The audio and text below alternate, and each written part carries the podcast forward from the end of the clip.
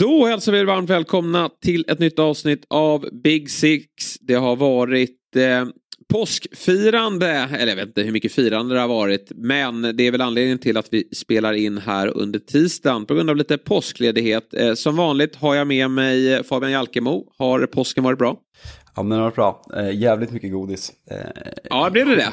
Ja, sjukt mycket. Det var ju så här, vi, eh, vi brukar alltid Eh, och köpa godis till alla anställda. Och då, sen insåg jag när jag köpte massa, fan vi, vi dragit ner lite på grund av situationen som råder i, i detta landet med, med inflation och räntehöjningar.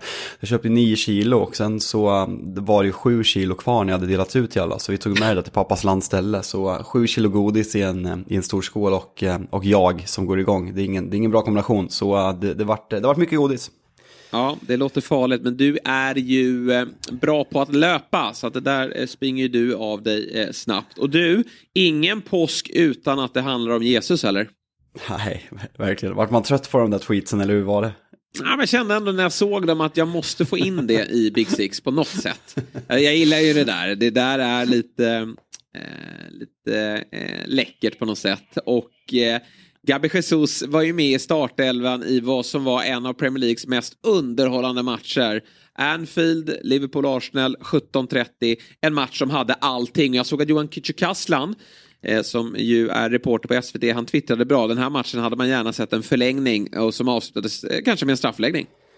Ja, verkligen. Jag, jag tänkte inte så mycket då, men verkligen vilken, vilken jävla match. Och jag, var, jag var nära på att twittra ut i första halvlek att fan vad dåliga Liverpool är. Eh, alltså det, det är ett parodiskt dåligt Liverpool som tillåter Arsenal göra de här målen. Men sen så gör Liverpool den där andra halvleken och Alltså när, när, de, när de spelar med den där frenesin, den där pressen och får med Anfield på det där sättet. Alltså de är så jävla bra och det är det som gör att vi har suttit här och dragit i våra hår och försökt komma på analyser varför Liverpool ligger åtta.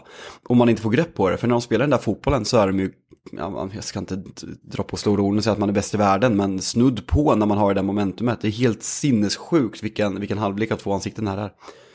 Ja, det måste vara, vi, vi eh, rycker oss i håret för vi får ju svårt att spela in våra avsnitt. Eller vi blir verkligen att vi, vi vänder kappan efter vinden efter eh, hur de har presterat. Eh, ah, I och med att de är så ojämna, men som supporter också måste det vara väldigt frustrerande att se Liverpool komma upp i den nivån som de gör i andra halvlek. För det, det gjorde de ju faktiskt nästan varje match i fjol fram till slutet då, då de eh, Eh, tappade bland annat ligatitel och eh, Champions League-pokal. Men de, de, har ju kunnat prestera den typen av fotboll var, var tredje, var fjärde dag tidigare.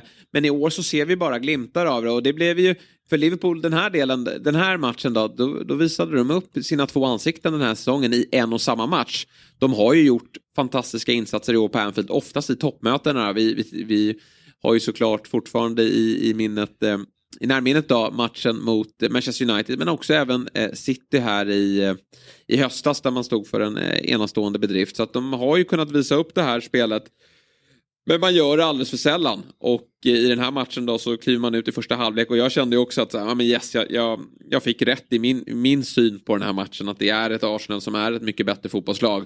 Och Liverpool, de har någonstans gett upp den här säsongen. Och det, det är det som är så imponerande att det, i ett 2-0 underläge mot eh, seriesuveränen eh, Arsenal, det är så lätt att bara lägga sig ner och dö där och, och eh, lämna säsongen fullständigt. Istället så letar man sig in i matchen och står för en enastående andra halvlek. Och jag tycker att det här är en match med två förlorare resultatmässigt. För eh, ett kryss för Arsenal det, på förhand kanske det är ett resultat man tar. Alltså tittar man på det här spelschemat som, som kommer. Arsenal har ett tufft spelschema men, men jag tror ändå att man kommer vinna väldigt många fotbollsmatcher. Men det är ju nog att Liverpool borta, ja, men där är nog kryss ganska okej. Okay. Men aldrig okej okay efter att ha haft en ledning med 2-0. I Liverpools fall så är det ju en åt, alltså man, man eh, tar sig tillbaka in i matchen, man bränner en straff och man har så mycket lägen att göra fler mål. Så det blir också någonstans en, en, en besvikelse.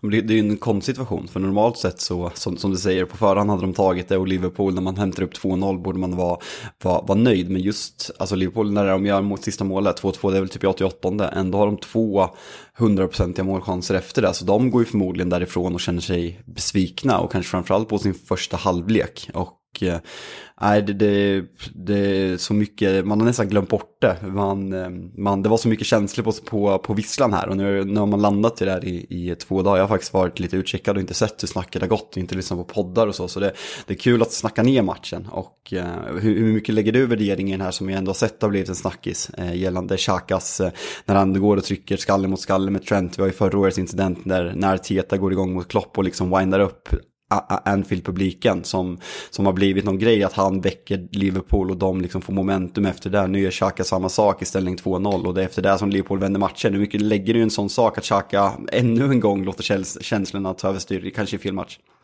Ja, men det är väl klart att det med facit i hand är dumt. Samtidigt har jag sett Xhaka göra dummare saker på en fotbollsplan. Det där är ju Xhaka. Nej men alltså han, han eh, fick ju bara gult den här gången. Han ska inte ha mer. Men, men det är ju en idiot. Eh, och det är inte så konstigt att han gör och han, det är lite hans spelstil att han ska vara lagets svin och, och stå upp vid eh, situationen när det hettar till. Men absolut, det här är ju det som tar Liverpool in i, i, i matchen och, och får energi och känner att nej, vänta nu, det här jävla laget ska vi kunna stå upp för. Det är bara synd att det behövs den typen av väckarklocka för att Liverpool ska bli Liverpool igen. Och vara sådär fenomenalt bra som de, som de kan vara. Men ja, det är ju eh, ett svagt agerande från Xhaka eh, och det är nog lite svagt agerande i matchcoachning från Arteta. Det gäller nog bara att har man en 2-0-ledning på Anfield, ett lag som har haft en väldigt jobbig säsong och som man kanske känner att nu, nu lägger sig de ner och, och, och ger upp säsongen här. Ah, men man kanske inte behöver ta fram de, de största utav känslorna. Man kanske inte behöver storma fram så som man har gjort utan då kanske man kan eh, Ja, matcher går ju oftast i perioder och, och kanske att man behöver, kan ha en lite mer försiktig eh, inställning till matchen och, och, hålla igen lite grann. Hade man haft 2-0 ledning i paus då tror jag att man hade löst det här. Då tror jag inte vi hade sett, även om Xhaka gjorde bort sig, då tror jag inte vi hade sett ett Liverpool som hade stormat fram. Nu får ju Salah det här Eh, målet innan halvtidsvila och vi vet hur, hur jobbigt det kan få vara för ett lag att släppa in ett mål och hur mycket energi det kan ge till andra. Och eh, sen i andra halvlek så är det ju nästan bara ett lag på banan även om Arsenal faktiskt har lite lägen då och då sticker upp. Men, men det är ju framförallt Liverpool som bara bombar på mot, mot Ramsdale som, som ser till att eh, Arsenal ändå får med sig en poäng i slutet. Ja, alltså vi ska inte snacka om Pickford i den här matchen, men det blir mer och mer sjukt att han får stå i Englands landslag för var match. Jag vet själv, jag, jag själv har gjort mig skyldig till att ifrågasätta värvningen när man värvar Ramsey som hade åkt ut med två klubbar och man nästan la 30 miljoner pund. Men vilken målvakt han är och vilken ledare. Han kan provocera en med, med, med hur han agerar på en fotbollsplan ganska ofta, men vilken värvning det har varit för Arsenal. Och, och eh, just den här matchen att det, det, är så, vi, vi, har pratat och vi har berömt Arsenal så fruktansvärt mycket, att matcherna mot Manchester City, att man fortfarande, man har ju sett att det är Arsenal som spelar, man har vågat ställa, ställa upp och liksom spela sin fotboll och trott på sin spelidé. Det här är första gången den här säsongen man verkligen ser att Arsenal har inte vad som krävs den sista halvtimmen för att hantera Liverpools press. Man är inte jättebra på att parkera en buss, som vi har sett andra lag vara, eh, vilket, säger, vilket säger lite när Liverpool alltså, jag tror att man, man har väl typ 1,4 XG mer i den här matchen än, när man gjorde 7 på United. Så det säger ju vilka otroliga lägen man kommer till. Och eh, just vad, hur bra Liverpools press är och hur bra Liverpool är när de är på den här toppnivån. Att Arsenal inte kan hantera spelet för fem öre, vilket man även har kunnat gjort när man har mött Manchester City gånger två i år och spelat sitt eget spel. För det, det, det finns ju inte en tillstymmelse till i andra halvlek. Nej, och det skickar ju signaler tycker jag när man i 80 minuten dels tar ut Gabi Jesus då, som ju betyder väldigt mycket för, sen kanske han, han har inte spelat allt för mycket fotboll. Han har ju nyligen kommit tillbaka från en svår knäskada så att han kanske inte orkar och det är kanske är ett rimligt byte med Trossard. Men att den här Jakub eh, Kivior eh, kliver in eh, istället för Ödegård. Det, det skickar verkligen signaler om att nu ska vi kliva in och försvara här nu. Nu ska vi stå lågt. Och då när Liverpool har det här momentumet i matchen och jag tror Liverpool känner att det är bara en tidsfråga innan vi gör mål. Och, och Kivior som då har han har spelat fyra minuter i Premier League innan den här matchen. Då kom han i januari. Han har väl spelat lite mer i, i Europa League. Men det är nog helt annat att, att spela i Europa League kontra att kliva ut på, på Anfield i en titeljakt och, och, när man dessutom har ett jäkla hårt tryck. Han går ju bort sig väldigt eh, tämligen omgående när, när eh, det är väl Nunez som får det här superläget va? Eh, ja, det, sen... det, är ett jävligt snyggt anfall. Han klipper någon på mittplan där och helt han ser ut som en division 6-spelare liksom. Ja, eh, precis. Och Salah frispelar Nunez. Eh, tur för Arsenals del att det är Nunez som kommer fri där. Och eh, det, det, känns som att eh, Arsenal verkligen eh, är, är skakiga där och det är bara en tidsfråga innan målet kommer. Och Sinchenkos agerande är ju också bedrövligt måste sägas. Vi har hyllat honom här och, och hållit honom väldigt högt. Att springa ut i den 87 minuten, visserligen mot ett trend som, han vaknade också till liv efter det här gula, det är ju han som går upp mot Xhaka. Han, ja. han eh, är ju som vanligt urusel i första halvlek. Men, men eh, växlar ju upp i den andra halvleken när, när Liverpool blir bättre. Och det är ju en jättesnygg tunnel, ett jättefint inlägg. Men Sinchenko, håll ihop benen när du kliver ut sådär. Visst att du, du inte möter Messi där ute, men eh, Trent har eh, spetsen i sig fortfarande, tydligen. Och det är för dåligt försvarsspel. Men är inte det grejen med Sinchenko den här säsongen att han, Alltså han har blivit, alltså han kommer ju vara årets vänsterback i årets lag, given. Han liksom har varit helt överlägsen, men Arsenal tack vare att man har varit så bra och haft bollen så mycket så har man inte satts på prov defensivt lika mycket som man har gjort hit. i City vart han ju liksom bortspelade ganska mycket på grund av kontringarna där. Och det fanns ju en anledning att Pep sålde honom. Han har ju inte blivit så här bra på, liksom, på två månader. Sen om Pep hade fått ångra sitt val nu tror jag såklart att han hade gjort det. Men han är ju inte fenomenalt bra defensivt. Eh, och nu i andra halvlek så tycker jag att man visar det. Jag tycker kanske att man borde gjort det här bytet. Tierney är på väg in, liksom när det här sker. Så det är väldigt oturligt för, för Arsenal. För Tierney är ju en bättre defensiv vänsterback än Zichenko. Så när Liverpool har det här momentumet och den här pressen som ändå ja, men håller det i i stort sett hela andra halvlek. Så jag tycker att det är konstigt att man inte agerar tidigare. Sen som sagt, Sinchenko har gjort en helt otroligt bra eh, säsong. Så jag vill inte kritisera honom mer än att det var ett dåligt agerande vi, eh, som fick liksom ödsliga konsekvenser just i den här matchen. Eh, måste bara fråga dig, det har varit en snackis lite också. Jag sa att jag inte har följt någonting, men jag undgår mig inte att kolla på Jamie Carragher på Twitter ibland. Men han pratar ju om han pratar ju om att eh, van Dijk, van Dijk har fått lite kritik efter den här matchen kanske framförallt, men även hela säsongen. Och då tar ju, van Dijk, eh, då tar ju Carragher upp och säger att han är den, mest, eh, den spelaren som har haft mest inflytande av alla mittbackar i Premier Leagues historia. Och liksom Vidic var alltid sämst mot, mot Liverpool och kan inte jämföras. Och då har ju United argument, liksom van Dijk har vunnit en ligatitel, Vidic har vunnit sex eller någonting. Hur, hur står du i den här debatten med, med van Dijk? Folk Borde folk visa mer respekt mot van Dijk, att han kan ha en dålig säsong eller hur, hur ser du på hans framtid? Nej men jag eh, blir ju som med många andra Liverpool-spelare intressant att följa hur de följer upp den här säsongen säger jag. Men man kan ha en dålig säsong, det är inget snack och det har han verkligen. Jag tycker att han är ihålig och, och står för jättemycket eh, misstag och det är han som har när, när Trent och Robertson har gått, gått bort sig i sina offensiva tåg, vilket ju har gett Liverpool massor, men de har ju släppt till målchanser bakåt för. Då, då har ju van Dijk och, och, den som har spelat bredvid van Dijk alltid löst det. Det gör han ju inte och han står för, ja men, men eh, hårresande misstag eh, match efter match tycker jag. Men eh, vi, vi, får ge honom lite mer tid eh, att, att göra, ja, innan vi, vi ja, slutar jämföra honom då med de här giganterna. Men han är ju fortfarande ganska ung. Alltså, ung är han ju inte, det är väl fel ord. Men han, har, han är 30 va, van Dijk? Tror han är 91 eh, som fyller 32 Är det så pass? Han är 32? Ja, han, han, kan vara 92, eh. kan vara 92, jag kan kolla lite fort. Nu blir Google Big Six här, men eh, ja. han är något som 92, 91. Ja, nej, han är 91, det, det har du rätt i. Ja, ja. Han, fyller 30, han fyller 32 den 8 eh, juli i år. Då. Skön, skönt att du kallar mig ung nu, det känns bra inför Ja, men det är ni, ungtuppar. Ja. Men, men van Dijk har ju fortfarande många fina säsonger kvar i sig tycker jag. Eh, och, och han, han eh, behöver vinna mer saker för att kunna jämföra sig med de, med de bästa. Men vi får se här hur han följer upp här, den här säsongen som sagt. Men jag tycker inte att man kan liksom, jag, jag, håller honom väldigt högt. Eh, jag tycker det är en fantastiskt bra mittback trots den här säsongen. Men det får inte eh, upprepa sig. Så kan man väl säga. Alltså jag för debatt, bara kortfattat vad jag tycker om debatten. Jag tycker det känns som att ja, United-supporter i det här laget diskuterar något helt annat. Jag, jag håller med om att best impact i sin klubb, vad han har gjort med, sin, med Liverpool sedan han värvades, är den bästa i, i, i Premier Leagues historia. Och jag håller honom även hans prime-säsong som den bästa mittbacken jag någonsin har sett. Jag är för ung för att ha sett liksom Baresi, Maldini och nästa i sin, eller nästa jag sett, men Maldini och Baresi i sin, i sin prime. Men just prime van Dijk, jag har aldrig sett en sån ostoppbar mittback. Sen ska man diskutera karriär, då tycker jag att det bara att kolla på, på priserna och vilken kort karriär van Dijk har haft på toppen. Så där går han bort. Han kan inte jämföras med, med de bästa, de jag nämnde, de italienska backarna, även Rio Vidic och John Terry också för den delen, när man kollar liksom deras prisskåp. Så prime absolut, men karriär, nej inte ens nära just nu.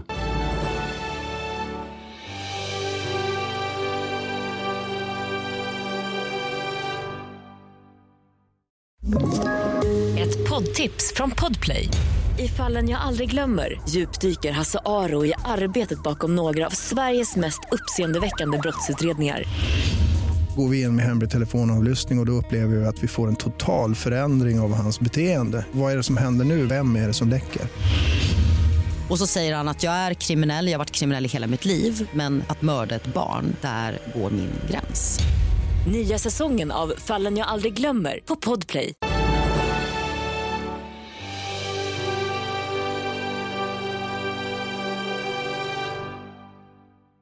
Nej, det kanske är så. Du, eh, Liverpool då, eh, framåt här nu då. Det känns ju ändå som vi börjar med deras, eh, vad, vad de har att spela för.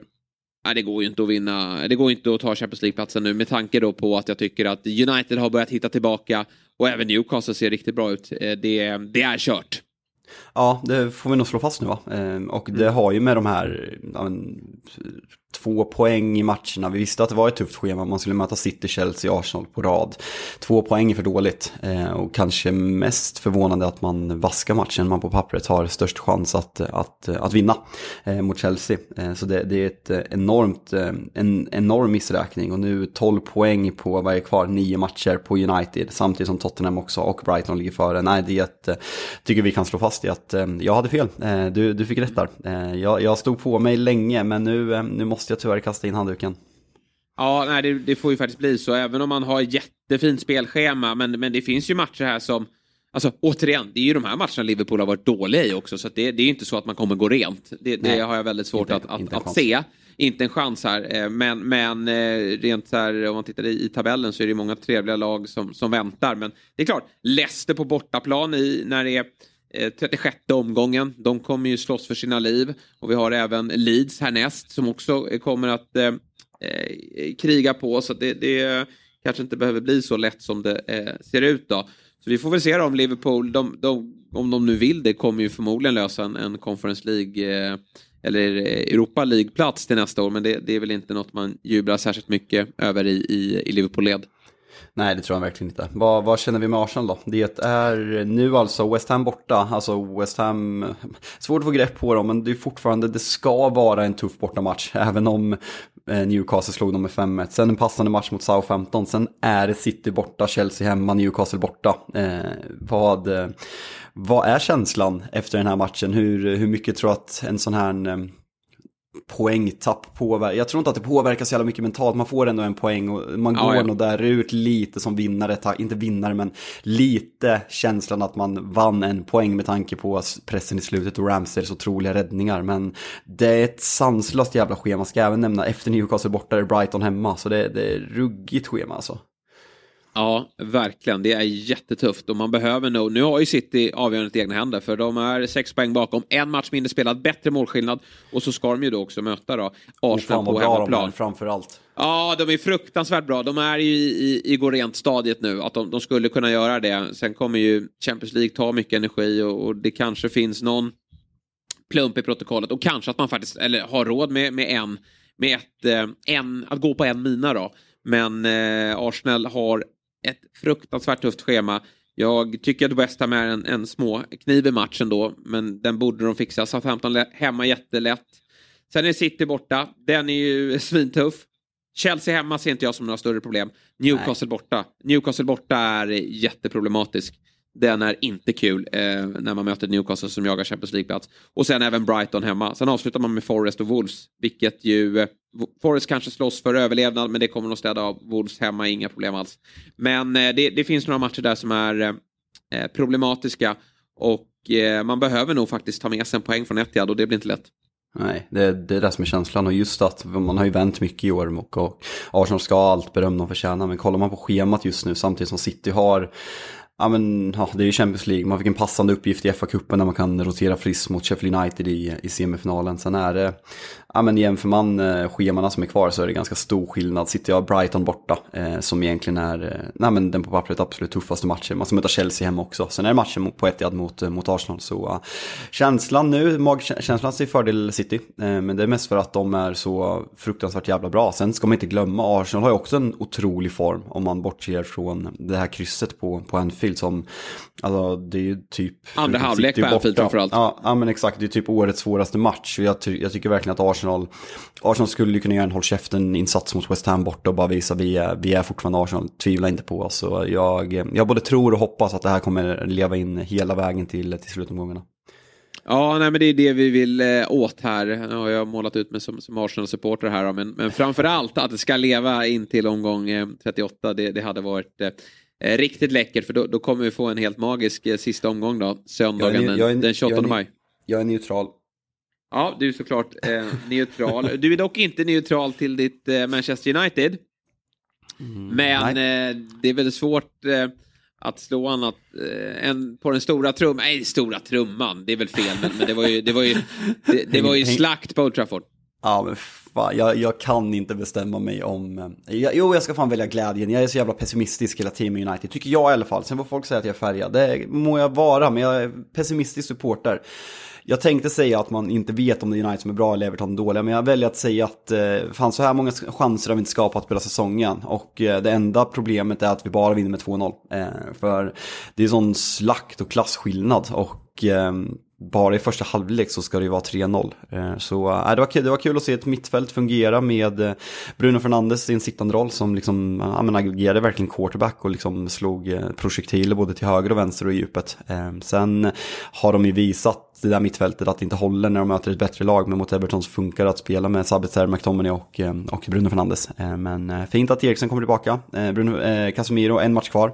Sen är han tillbaka, vilket kommer vara en jävla, jävla skjuts för laget laget. Men eh, samtidigt är man jävligt orolig för Max Rashford eh, som linkade ut och tog sig från ljumsken.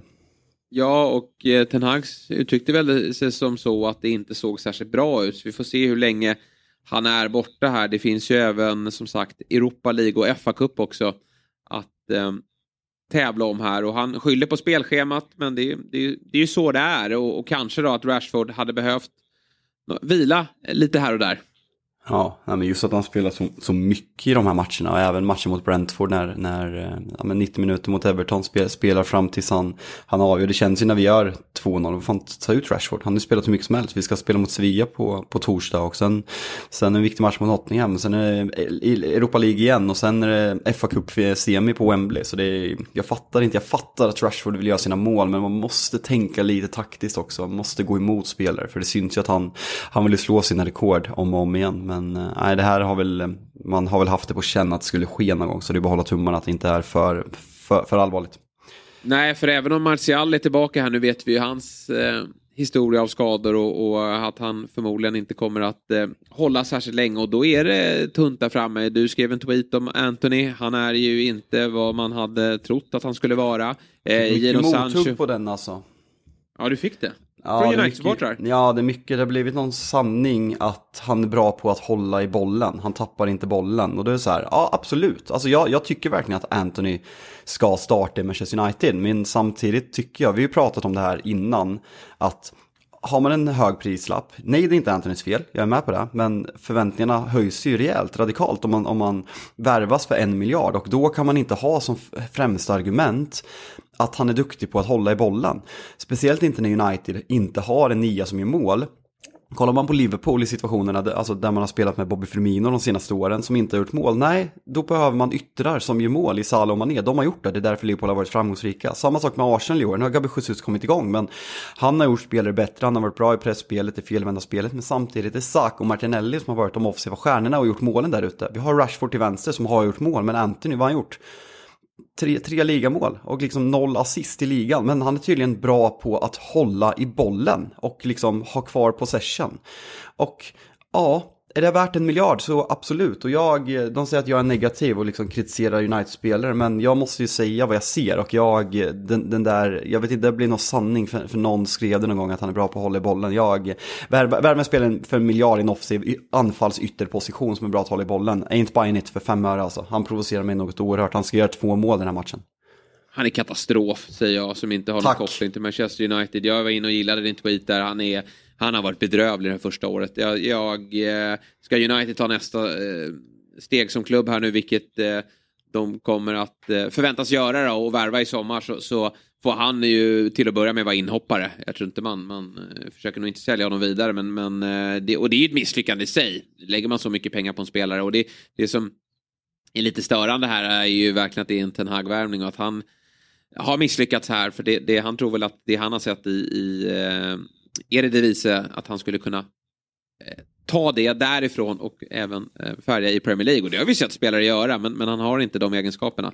Och jag eh, tycker verkligen att United behöver eh, förstärka det. Jag förstår att han spelar, för det finns ju ändå inte så mycket bättre alternativ ändå. Men, men det måste till nästa år finnas bättre alternativ för att, eh, eh, som du är inne på, yttrarna i de andra lagen är otroligt mycket bättre och allt kan inte landa på Rashfords ansvar och det går inte att, att eh, fortsätta satsa på Martial heller eftersom han har eh, de skador, eh, skadeproblemen som han har. Nej, ska vi prata det sjuka sjöslaget i London vid 16.00 på påskafton? Ja, det här är ju, tycker jag, någonstans... Eh, ja, vi hade en sjuk match då i Liverpool-Arsenal, men, men det är härifrån rubrikerna sticker ut. Då, och jag eh, vill inte allt för ofta landa i, i domarsituationer. Det blir, eh, det blir tjatigt, men eh, det här var ju något form av rekord tror jag. Det här är, eh, sen, sen VAR tillkom så är väl det här det, det, den största katastrofen någonsin. Vi har sett, några, en, vi har sett enskilda VAR-beslut vara felaktiga. Det, det händer på löpande band och vi har kritiserat systemet. Men här är det ju en, en ny nivå och, och man undrar ju nästan om, om det är riggat nästan. Eh, så många domslut som Spurs får med sig i det här.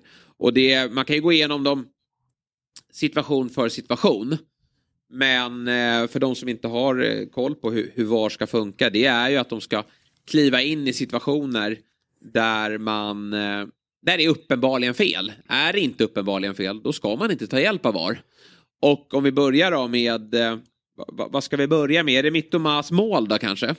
Alltså Mittomas mål är ju svårt. Jag, ja, jag vet, men jag, problemet jag, här ja. är ju att linjedomaren vinkar. Om linjedomaren ja. inte vinkar, då tror jag att de, då kommer VAR inte kliva in och döma hans. Men nu när linjedomaren vinkar, då är det ju korrekt att eh, döma bort det, för då ska man ju heller inte gå in och ändra på det.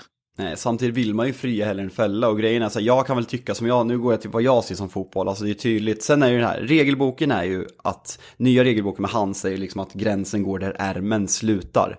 Sen för mig är det såklart att han vinklar med sig bollen med armen. Ja. Sen om man vinklar med sig den med ärmen eller inte, det är ju det som är svårt att analysera. Jag, jag kan väl tycka att det här borde bli bortdömt av bilderna jag ser. Jag, eller snarare, jag köper det och jag tycker att han tar hjälp av armen. Sen om det ärm eller inte, det, det skiter jag egentligen i. Jag tycker, jag tycker att eh, som jag ser på fotboll så ska det här bli bortdömt. Sen blir det att det blir en snackis när det är så an, många andra situationer. McAllisters mål, det är också, det, det är en vidrig regel, men det är ju rätt. För den, du får inte göra mål med när bollen tar på armen på det sättet. Eh, det var ju samma Kai Havertz, eh, Kai Havertz eh, returmål när han får bollen på sig mot Alisson när det, tar på, när det tar på armen, även om det är helt omedvetet och sker på mittplan så är det inte hans. Så gör man mål i situationen så blir det bortdömt. Men det är ju samma sak här igen. Tack vare de här andra situationerna så pratar man om det så extremt mycket. Det är kanske för mig straffen som är så oklar och det eventuellt röda kortet som jag läste att Howard Webb hade förklarat och liksom sagt, jag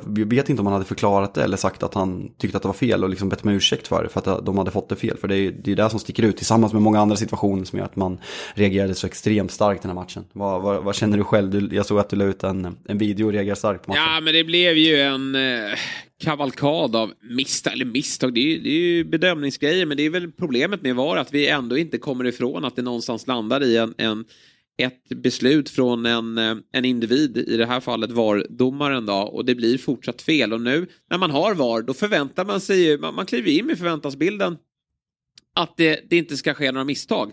Men det fortsätter att göra det. Och för mig är det mycket lättare att acceptera att en domare gör fel när han inte har de här verktygen. Jag eh, förstår att de ibland eh, missar saker och, och, det är ju jätteirriterande framförallt när det stör ens egna lag. Men, men det får man bara acceptera att de inte i alla, i alla lägen kan hänga med för det går väldigt fort där ute och de är mänskliga. Men när du har ett videorum och du får titta på situationer och man ser den här grejen med, med framförallt det, det tydligaste misstaget då med Mittomas straff som är så solklar och som nu domarna har bett om ursäkt. Det är väl andra gången i år som domarna ber om ursäkt till Brighton och det är ju en det är en fruktansvärt viktig fotbollsmatch det här. Alltså Brighton lilla, lilla Brighton och det måste vi ta med här i, i diskussionen att det är lilla Brighton. Mm. För de möter ändå ett betydligt större fotbollslag i form av Spurs och får alla de här eh, tveksamma situationerna men också solklara situationerna i form av att de ska ha en straff emot sig och då blir det, eh, ja, det, det, det, smakar jävligt illa tycker jag.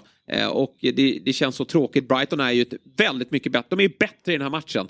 Ja, och, som väntat. Eh, som väntat såklart. Det här var ju helt väntat att det skulle bli så här. Men det är Spurs som kliver därifrån med tre poäng och det är väl mycket för att man också har en, en, en världsklasspelare, vilket Brighton inte har i, i form av eh, Harry Kane. Men matchen skulle ju vara avgjord eh, dessförinnan till Brightons fördel. Ja, ja, man ser att det är ingen slump att Harry Kane lyckas avgöra de här matcherna. Att de har Nej. en sån spelare. Sen, sen är det som sagt tråkigt och man vill ju, man går ju dit igen. Hade, hade alla de här situationerna varit mot Tottenham på hemmaplan hade inte de fått med sig någonting. Det, det är klart att de hade. Jag ser i mitt körschema nu att jag har skrivit var det tåget för Champions League som eh, gick för Brighton där. Ja. Det, var, det, var, det, var, var faktiskt inte ens, det, var, det var faktiskt inte ens medvetet ska jag säga, men jag såg det nu.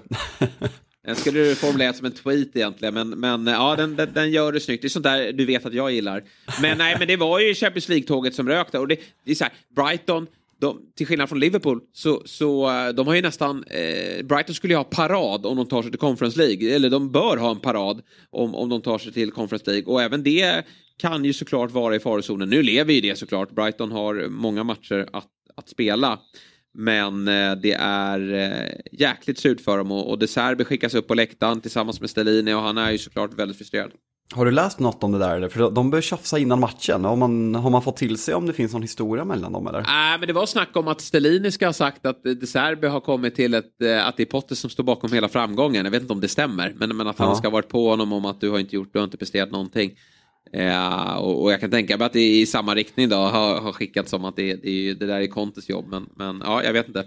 Man gillar ju två italienare stod där och började tjafsa innan. Och man, vad fan är det här? Och sen just att man undrar ju vad de har gjort för att bli utvisade. Förmodligen har de ju stått och kört på italienska utan att domarna fattat ett ord och ändå skickat ut dem liksom. Nej, det, det, var, det var speciellt, men jag gillar det ändå. Ja, ja, ja verkligen. Det hade något. Det började ju tjafsas redan innan matchen och sen under matchen. Så det var, det var, det var härligt. Men, men eh, Brighton, de får ju slicka såren här nu och, och, bara försöka studsa vidare för de är i allra högsta grad med i, i, i kampen om... Men, ja. men, bo, men borde inte Spurs, alltså man känner så här Spurs att de, de lyckas ju på något sjukt sätt. De har ju så mycket mer poäng den här säsongen än vad det känns om man bara ser till prestationer. Men samtidigt, ska det här verkligen hålla? Nu har man Bournemouth hemma eller tror jag i nästa omgång, sen väntar på rad, på rad Newcastle borta, United hemma, Liverpool borta. Ska man verkligen, Nej. vi ska det inte gå, alltså det, det Nej, kan de... inte gå när spelet ser så här bristfälligt ut och just att man tar Stellini, alltså det kommer se precis likadant ut som det hade gjort under Conti. Stellini har jobbat jättelänge under Conti, jag har svårt att han bara, nej men nu ska vi spela, nu ska vi spela tiki-taka, nu, jag, jag har egentligen hatat Contes sätt att spela fotboll, nu, nu ska vi, jag sätta min prägel på det här. Vi såg direkt, det är Conte Spurs fortfarande, det så, varför gör man så här? Nej, men eh, vi har ju, Spurs kommer inte att eh, kunna utmana. Dels ser man ju några poäng bakom här. Och sen har man som du säger ett, ett tufft spelschema och jag ser inte att man helt plötsligt börjar eh, vinna den typen av fotbollsmatcher. Samtidigt som United tycker jag har ett, ett bra spelschema. Även om de ska spela många matcher så är de lite på gång. Vi får väl såklart ha, hålla kolla på Rashford. Jag hoppas inte att det, det, är någon säsong som är över för hans del. För det, det skulle svida. Men sen har vi även eh, Newcastle där och de, de ser ju så självklara ut. Och eh, de, de, kommer med, med eh, all sannolikhet faktiskt att spela Champions League nästa år, vilket är ju en eh, enastående bedrift. Och om vi bara tar oss till den matchen då, så är det ju eh, väldigt kul att se vår Alexander Isak eh, vara i huvudrollen och även göra mål, vilket vi har ju eh, tjatat om. Nej, nu är det på riktigt. Nu, eh, nu, kallar ja. jag, nu, ja, nu kallar jag inte ens, eller dig eller alla, svensk romantiker som eh, hyllar honom överdrivet mycket. Fan vad bra han är och fan vad glad, ja. jag, fan vad glad jag är mig. Alltså jag vill så här, jag har verkligen inte velat trycka ner honom bara för att vara motvalls. Det är ju mer för att jag vill, Nej, jag vill det säga vad jag ser. Och du, nej, men du är haft befogat. Jag, jag går inte emot den typen av eh, argumentation som du står för. Att det har varit eh, lite för ojämnt och det har inte varit någon kontinuitet och görs för lite mål. Allt det köper jag. Eh, men eh, nu kanske då att det, det är nästa nivå på Isak för nu är han vital och eh, ja, nu, nu gör han verkligen skillnad. Ja men avgör matcher också, just de här, ja men sättet att se Alexander Isak, svensk liksom, avgöra bortamatcher och springa ut mot en helt euforisk bortaklack. Det, det är så jävla mäktiga scener så det finns inte och vi, vi har pratat om det innan att han haft flyt att Newcastle har gått bra. Eh, nu när de går ännu bättre så är det han som är nummer ett. Det är han som avgör matcherna och om Newcastle tar den här Champions League-platsen som allt talar för så kommer man prata om att Alexander Isaks vår, om man fortsätter så här, var en stor bidragande faktor. Och vi har även sagt så här, alltså Newcastle, deras relation till deras nior, man har ju suktat efter dem i väldigt lång tid, men det är en klubb som har en förkärlek till nior, kanske Alan Shearer som sticker ut mest såklart, men Alexander Isak i sin ålder, om man kan bara fortsätta bygga vidare på det här, fortsätta bli skadefri. Newcastle kommer absolut inte backa, man kommer snarare fortsätta förstärka och bli ännu bättre. Det, nej, det är jävligt kul att bara, tänka, bara tänka framåt vart Alexander Isak och Newcastle är på ett svenskt perspektiv om, om fem år, för eh, det, det känns riktigt bra just nu. Ja, eh, så är det verkligen. Femte raka segern då för Newcastle och det är imponerande. Då. Man mötte ju onsdags West Ham eh, på, på bortaplan. Vinner ju väldigt enkelt där, men det är man är inte vana vid att spela match var, var fjärde dag då, och att åka då till, till Brentford som, som gör en jättefin säsong. Hamnar i underläge, Får två straffar emot sig, men Pope tar den ena och sen vända på matchen. Och vi har ju velat liksom, skohorna in Callum Wilson i det här laget också men då heter det att han inte att man kan bara spela med en anfallare. Men han hoppar in här i andra halvlek och det är ju han som spelar fram Isak. Så kanske att vi får se det experimentet lite mer här då för det är också en, en, en spelare som eh, uppenbarligen är i, i bra form också. Ja, nej, men det är en bra bredd där och som sagt, alltså Brentford borta, det, jag tror inte att de kanske har torskat en enda match där. En kanske, max på hemmaplan. Eh, så det är, en, det är ruggigt starkt att vända det där, eh, vilket säger någonting om vart, eh, vart Newcastle står just nu. Ja, det är eh, väldigt eh, kul för dem och imponerande av Eddie Howe och vi säger väl grattis då till Champions League-platsen härifrån eh, Big Six. Jag, jag ser liksom inte hur de ska klappa ihop här. Eh, och uh, ja, möter ju Spurs här snart på hemmaplan. Det, det, den vinner Newcastle utan, uh, utan problem. Eller utan problem, de vinner den matchen. ja, nej, men just på hemmaplan. Fan, det känns... Alltså, det känns Tuff det, match i nästa dock. Tuff match i nästa. Villa på bortaplan, den är ju inte helt lätt. Ja, fan vad bra de är. Fan vad mycket det har hänt. Måste nämna, ja. så att vi inte glömmer bort det, Crystal Palace, Roy Hodgson, alltså ska han adlas ja. eller vad? Alltså då, har man gjort, ja men man gjorde väl typ fem mål på senaste tio matcherna under Vera, nu. Ja. men vad, vad, vad sker? Alltså ligger under med 1-0 mot Leeds och gör fem mål, Roy Hodgson. Såg någon bild där när han hade sitt första träningspass, match, äh, träningspass och det, det såg knappt ut som att han hade puls men, men äh, Crystal Palace har äh, i alla fall puls. Sedan puls. Roy Hodgson för tredje vändan då kommer in och räddar klubben. Vilken hjälte! Och eh, det var ju eh, mycket snack om att... Eh, Patrik, vet du vad jag var nära att säga där? Att kompani fick sparken. Ja, jag var så nära. eh, men eh, Patrik Vera, ja tredje gången helt. Den här förbannade intervjun. Eh, Patrik Vera fick sparken. Eh, och eh, då så ja, men menade ju många på att det var felaktigt. Man hade haft ett tufft spelschema och spelartruppen är inte bättre. Men vi får ju ändå säga att tränarbytet har verkligen gett effekt och nu har Palace ett väldigt trevligt spelschema framöver och vi gratulerar väl dem då till, till säkrat kontrakt i Premier League. Ja men det är känslan, speciellt med den här, alltså jag, jag har svårt att se att det här bara är liksom, ja men en bounce back med en ny tränare, energin för man, man, vi har sagt det tidigare, man har ju för bra lag för att åka ut och det här, det här ska man ju greja. Och eh, frågan är nu, Leicester in med Dean Smith efter två, eh, man kryss, nej två raka torsk va? Ja. Eh, ja, det är inte alls bra ut sen man kickar Rogers. Nu kommer Dean Smith in, vad nu han vet inte. Alltså här, man pratar ju om de här rädda, spe, rädda lag kvar typerna, Sam Allardyce, Tony Pulis, Sean Dyche, eh, ja, men, eh, även Roy Hodgson. Det är Roy Hodgson man ska ta in. ja, nej, men Dean Smith, vad, vad har vi på honom egentligen? Alltså han har ju sin villa och det känns som att hans gärning som man började respektera var jävligt mycket på grund av Jack Grealish. Sen, alltså det är klart att man kan ha respekt för vad Dean Smith gjorde med det där laget när man tog upp dem och liksom från ingenstans gjorde en väldigt bra säsong. Men när man sen skulle hantera eh, försäljningen av Jack Grealish och värva alla de här spelarna, vi var inne på dem förra veckan med Buendia och Leon Bailey och, så vidare och så vidare, så fick man inte det att funka och det var därför man fick sparken och Gerard tog över. Men det, det är svårt att se vad vad han ska göra med det här Leicester-jobbet. Man, man vill ju uppenbarligen gå på Jesse March som första val, men där kommer man inte överens. Så han är ett uppenbart andra val att ta med sig John Terry. Jag, spontana känslan känns väl inte superbra eh, och Leicester vägnar, eh, om jag får, ja men bara spontant. Nej, eh, så är det väl och man är illa ute nu verkligen och fick ingen effekt av tränarbytet. Dean Smith som du är inne på, alltså, hans spelidé stavades Jack Grealish. Han får väl göra James Madison till, till Grealish här nu då och och köra via honom. Men, men det var ju många som ifrågasatte, ifrågasatte honom i Aston Villa, även om resultaten var ganska bra. För, äh, inte mot slutet då, men, men man gjorde ju en fin första säsong då. Men eh, ja, han kliver in här med John Terry. De har ju dock, ett, nu är det ju City på bortaplan till helgen då, den, den får vi skita i. Sen är det bra schema. Eh, det är Wolves på hemmaplan, det är Leeds på bortaplan, det är Everton på hemmaplan och sen är det hopplösa eh, Fulham då på bortaplan. Så det, det, finns ju verkligen matcher att, eh, att ta poäng i här och det måste man göra för sen är tuff, avslutningen lite tuff då. Liverpool, Newcastle och, och, och, ett West Ham då som kanske har säkrat sitt kontrakt visserligen i sista då. Men eh, Leicester, de, eh, ja det vore ju en katastrof för deras del såklart om de får lämna Premier League. Stärker i och för sig den här sagan om dem tycker jag i att de vann här eh, helt sjukt nog för bara några år sedan. Men det är klart att de ska vara en, en, en Premier League-klubb. Det tycker jag är en fullständig katastrof om de får lämna Premier League. Men vi får se då om Dean Smith får ordning på det.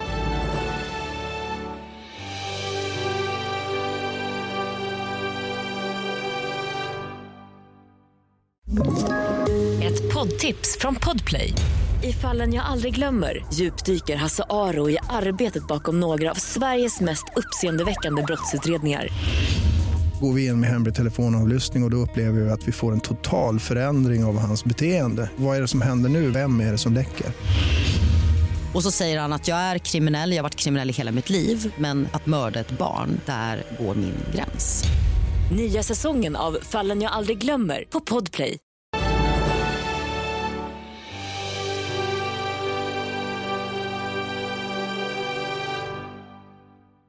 Ett lag som kommer att lämna Premier League då, det är ju eh, Southampton. Stod upp bra i 40 minuter.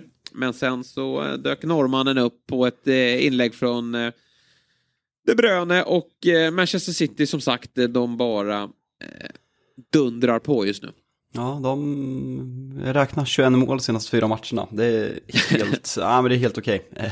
ja, fan, fan vad bra de är. Och det, det är på så oväntade sätt. Vi sa att så här Pep laborerar och vet inte vad han håller på med och det är rotation och det är Rico Lewis inverterad ytter, ytterbacksposition och Cancelo som har kanske varit hela ligans bästa ytterback ska skickas. Nu Nej, John Stones blev lösningen. Spela fyra mittbackar och spela John Stones på centrala mittfältet. Och man är helt överlägsna och Jack Grealish är typ bättre än Prime Jack Grealish i Aston Villa senaste, senaste fyra matcherna. Eh, så um, det, det, det, är på ett konstigt sätt. Och sen Håland, man, man har nästan glömt bort hur bra han är. Alltså det andra målet, alltså det första också, det ser så jävla enkelt ut. Men han är där med det andra målet. Det är sån ja, men det är ett monster och eh, vi, vi pratar mycket om det första halvan av säsongen men det känns som att han har tagit lite för givet och han har väl droppat av lite om man jämför med den helt otroliga starten men nej vilket, vilket lag det här är och vilken form de är i. Mm. Eh, jag, ja. jag hade varit rädd om jag var Bayern München.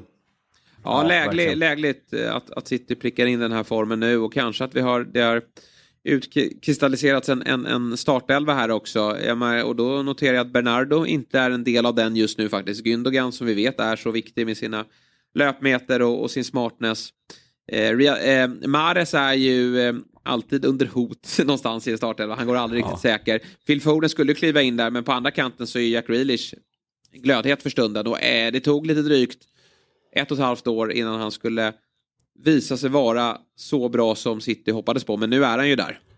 Ja, nej, men det är bara för City och Jack Grealish skull. Hoppas att, han, att det inte bara är en formtopp, att han kan fortsätta, att han har lärt sig liksom spelet, vilket, vilket det känns för. För när han får bollen, nu känns det som den här Jack Grealish som var i Villa, som liksom ger mig bollen, det är jag som bestämmer. Det, det är jag som är bäst på plan. Den auran har han över sig nu och den, den har man saknat. Sen, jag vet inte hur mycket man ska lägga där, att man spelar de här fyra mittbackarna, men Kyle Walker, jag hörde någonstans, jag har inte faktakollat det ska sägas, men jag tror han är bänkad i fyra raka matcher nu. Eh, och det är första gången han har varit tillgänglig i hans City-karriär som han inte startar på så många matcher. Så um, hur mycket man, den här, den här blott-skandalen som han, eh, som han, jag vet inte om han utreds för eller om han blir friad, men den som ligger på honom eh, börjar komma upp i åren. Eh, börjar man se slutet på Kyle Walker i City tror du, eller vad, eh, vad, vad sker där? För det känns som att man behöver förnya på ytterbackspositionerna ännu en gång. Ja. Trots ja, att man, alla jävla miljarder man har lagt sådär så får man inte till det. Nej, men det skulle ju kunna vara som så att det är slutet. Pep är ju inne på att eh, Walker kan man inte inventera. Han, är en ytterback och han har ju varit en defensiv. Han har ju nästan varit som en tredje mittback. Även om han mm, i, i Citys matcher när de, när de öser på på Etihad så, så följer han med upp såklart också. Men nu när Nathan Ake gör det bra ute till vänster, Cancelo inte finns där, då är det Stone som är eh, inventerad. Då är ju Akanji, Diaz och Nathan Ake rätt bra att ha där där bak och, och, då är det snarare Laporte som knackar på dörren om, om, någon ska, eh, om någon ska in där. Så att nej, Kyle Walker, hans dagar kan vara räknade i, eh, i City och Stones gör det enastående bra nu. Jag tycker att City har ju, nu när de slipper skadorna så har de ju bredden. Jag menar, Laporte finns där, Walker går ju såklart att använda. Förhoppningsvis ja. är Foden snart tillbaka också för de, liksom, nu har de ju eh, Alvarez, de har eh, Eh, Bernardo Silva också och sen kan man dessutom skicka in eh, Foden på det så, så, finns det ju faktiskt eh, verktyg att kunna eh, förändra matchbilder och givetvis även fortsätta att rotera mer då. För det kommer ju eh, för Citys, eh, om, om allt går som de hoppas eh, så kommer det spelas fortsatt väldigt många fotbollsmatcher och då kommer man behöva alla hela och friska. Men just nu är är man välmående och det är en jäkla fotbollsmatch som väntar ikväll på Etihad eller Island som alltid eh, Henrik Strömblad eh, eh säger. Vilken, eh, vilken match vi får ikväll. Ja, ruggigt, ruggigt kul. Och just eh, det känns som att den har fått något, alltså så här, ännu en liten krydda genom att Thomas Tuchel skrev på med liksom, ja men hans, hur nyligen han var i, i Premier League och hur svårt Pep hade för, för Thomas Tuchel. Och eh, känslan är att han har haft det historiskt också. Så Pep kommer väl, efter att ha haft den här backlinjen och, eh, och Gundogan har spelat ikväll kommer ju, Walker kommer starta, Laporte kommer starta, Rico Lewis kommer starta, Bernardo på mitten, Calvin Phillips kommer göra sin första start i år. Eh, något sånt har vi väl att vänta ikväll, det skulle inte förvåna en överhuvudtaget. Nej, det kommer bli eh, jäkligt häftigt i alla fall. Och för eh, återigen då, om vi sätter på City-hatten då så får vi hoppas att Pep inte övertänker här. Men, men det kan ju bli som så att man får lämna ändå för det är ju ett eh, ruskigt motståndarlag som väntar i, i form av eh, Bayern München som visserligen inte har köpt någonting mer då. Han är väl den som är minst eh, namnkunnig här då. Men eh, han är väldigt viktig för det där Bayern München. Får vi se hur de, eh, hur de löser det där. Men vad säger du om vilka, vilka går vidare i dubbelmötet? Alltså känslan är, jag, eh, ja men vad fan, jag kan ju inte sitta i en Premier League-podd och säga att Bayern München går vidare. Eh, jag, jag Nej, håller... säga, nu, nu har du ju formen att, att äh, bygga upp den här tanken med också. Ja, nej men alltså spontana känslan är att eh, City drar längsta strået sen, alltså jättejämnt. 55-45 om jag skulle dela ut procent i en, enheter. Men eh, just, eh, jag tror att Håland kan bli liksom nej men, just den där grejen som, som Bayern München inte har. Alltså i deras förväntande eh, startelva så ska man spela med Gnabry i någon sorts eh, falsk nia-roll med Musial och Sané, Müller, det är klart det är och Goretzka, Kimmich, vilket jävla lag alltså. Men just den där avsaknaden av nummer nio, jag tror att City, man har något som man inte haft tidigare i Håland och jag, eh, jag tror att det kommer göra att man, man vinner det här dubbelmötet. Mm. Ska bli eh, kul att följa och sen har vi även då Chelsea-Real Madrid. Eh, de åker till Bernabéu här. Och det var ingen eh, drömstart för Lampard i återkomsten.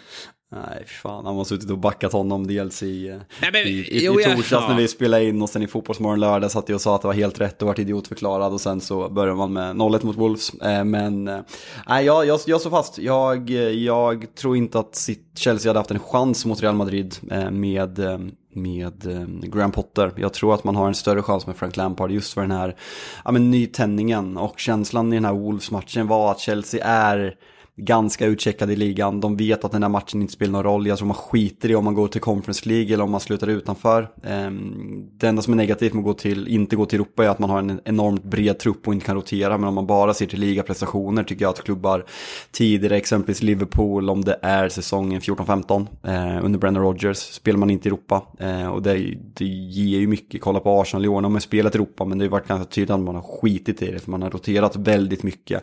Och det kan gynna lag som är underdogs ligamässigt men kan man ställa upp samma elva som man gjorde mot Liverpool så hoppas jag i alla fall att det blir en intressant match. Även om Real Madrid såklart är stora favoriter. Man har trummat igång rejält och Benzema, Benzema igen. Så det, det kommer bli jättetufft för Chelsea såklart.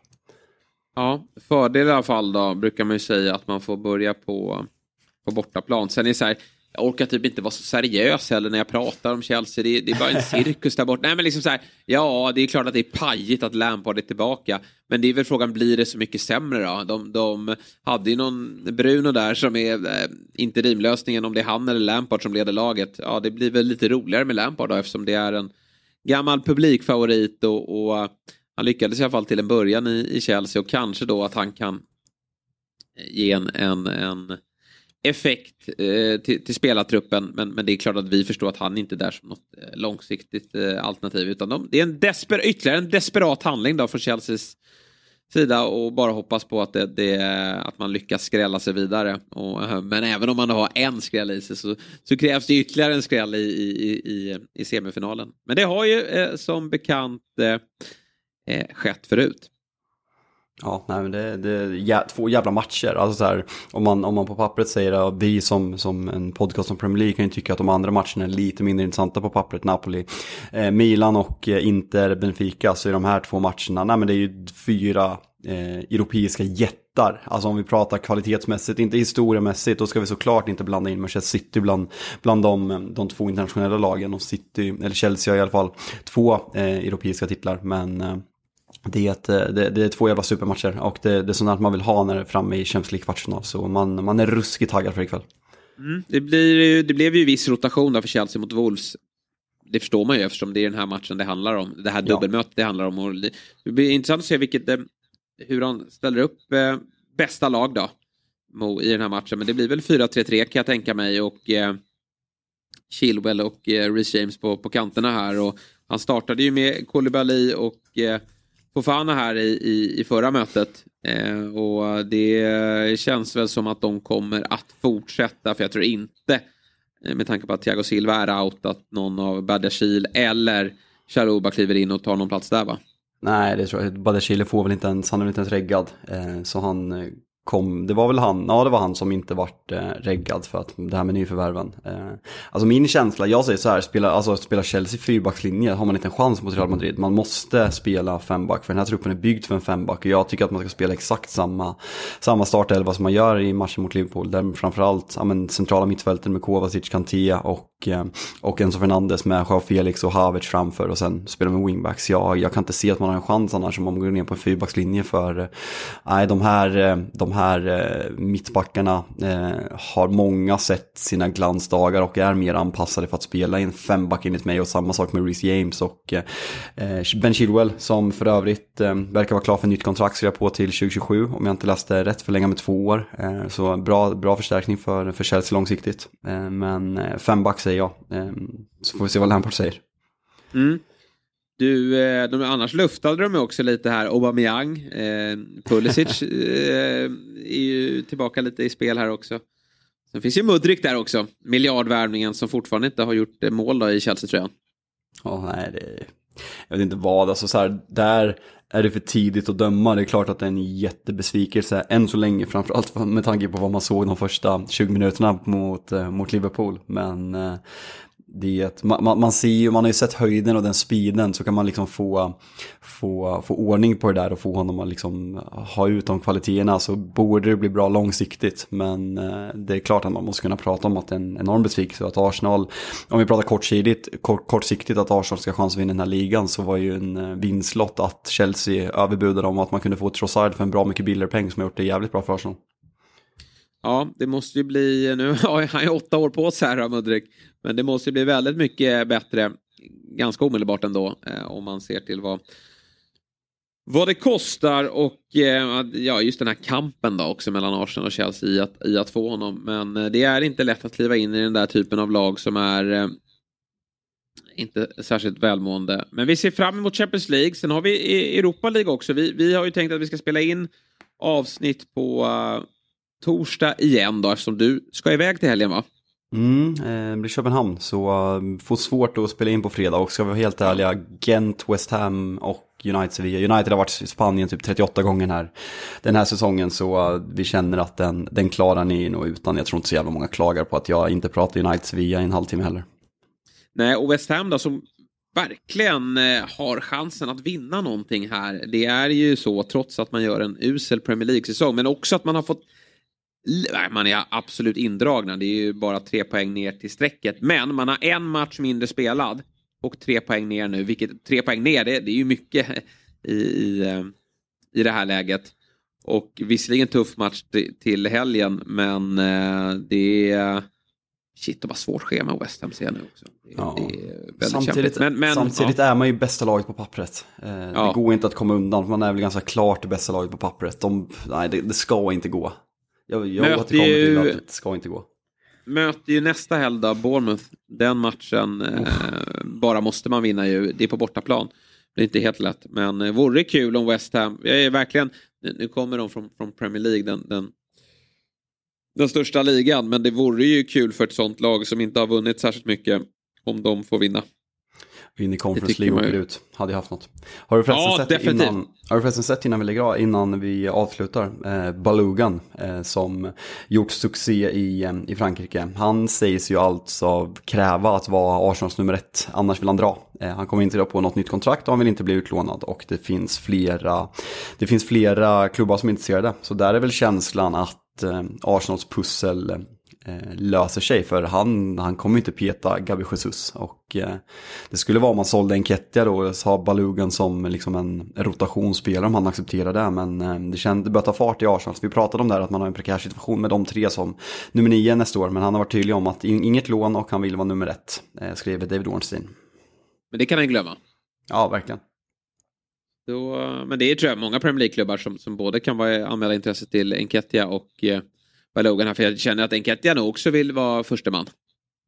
Ja, Någonstans. Det, ja, det tror jag också. Sen är det viktigt att ha den rotationen. Alltså Enketia har fått mycket chanser ja, ja, tack de... vare Jesus-skada. Eh, han kanske nöjer sig med det. Mm. Ja, alltså så här, är han bättre? Nej, det är han nog inte. Alltså så här, Nej.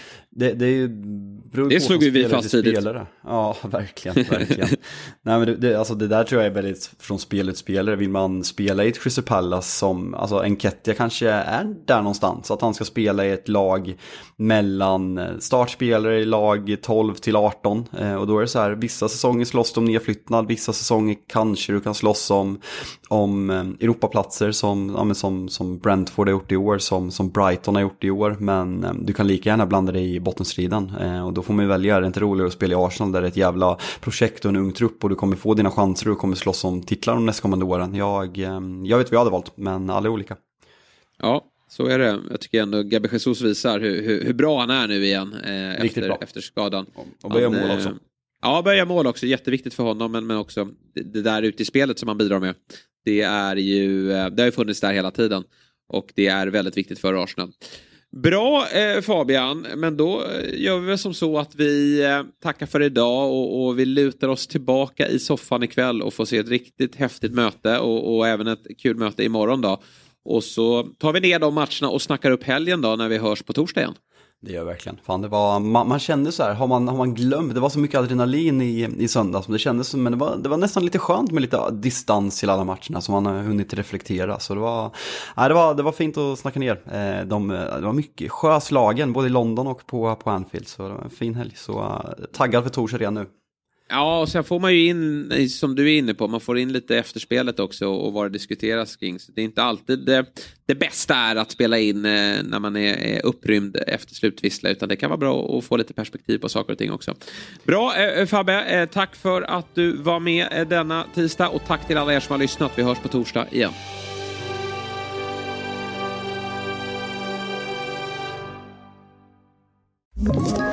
Ett poddtips från Podplay. I fallen jag aldrig glömmer djupdyker Hasse Aro i arbetet bakom några av Sveriges mest uppseendeväckande brottsutredningar. Går vi in med hemlig telefonavlyssning och, och då upplever vi att vi får en total förändring av hans beteende. Vad är det som händer nu? Vem är det som läcker? Och så säger han att jag är kriminell, jag har varit kriminell i hela mitt liv men att mörda ett barn, där går min gräns. Nya säsongen av Fallen jag aldrig glömmer på Podplay.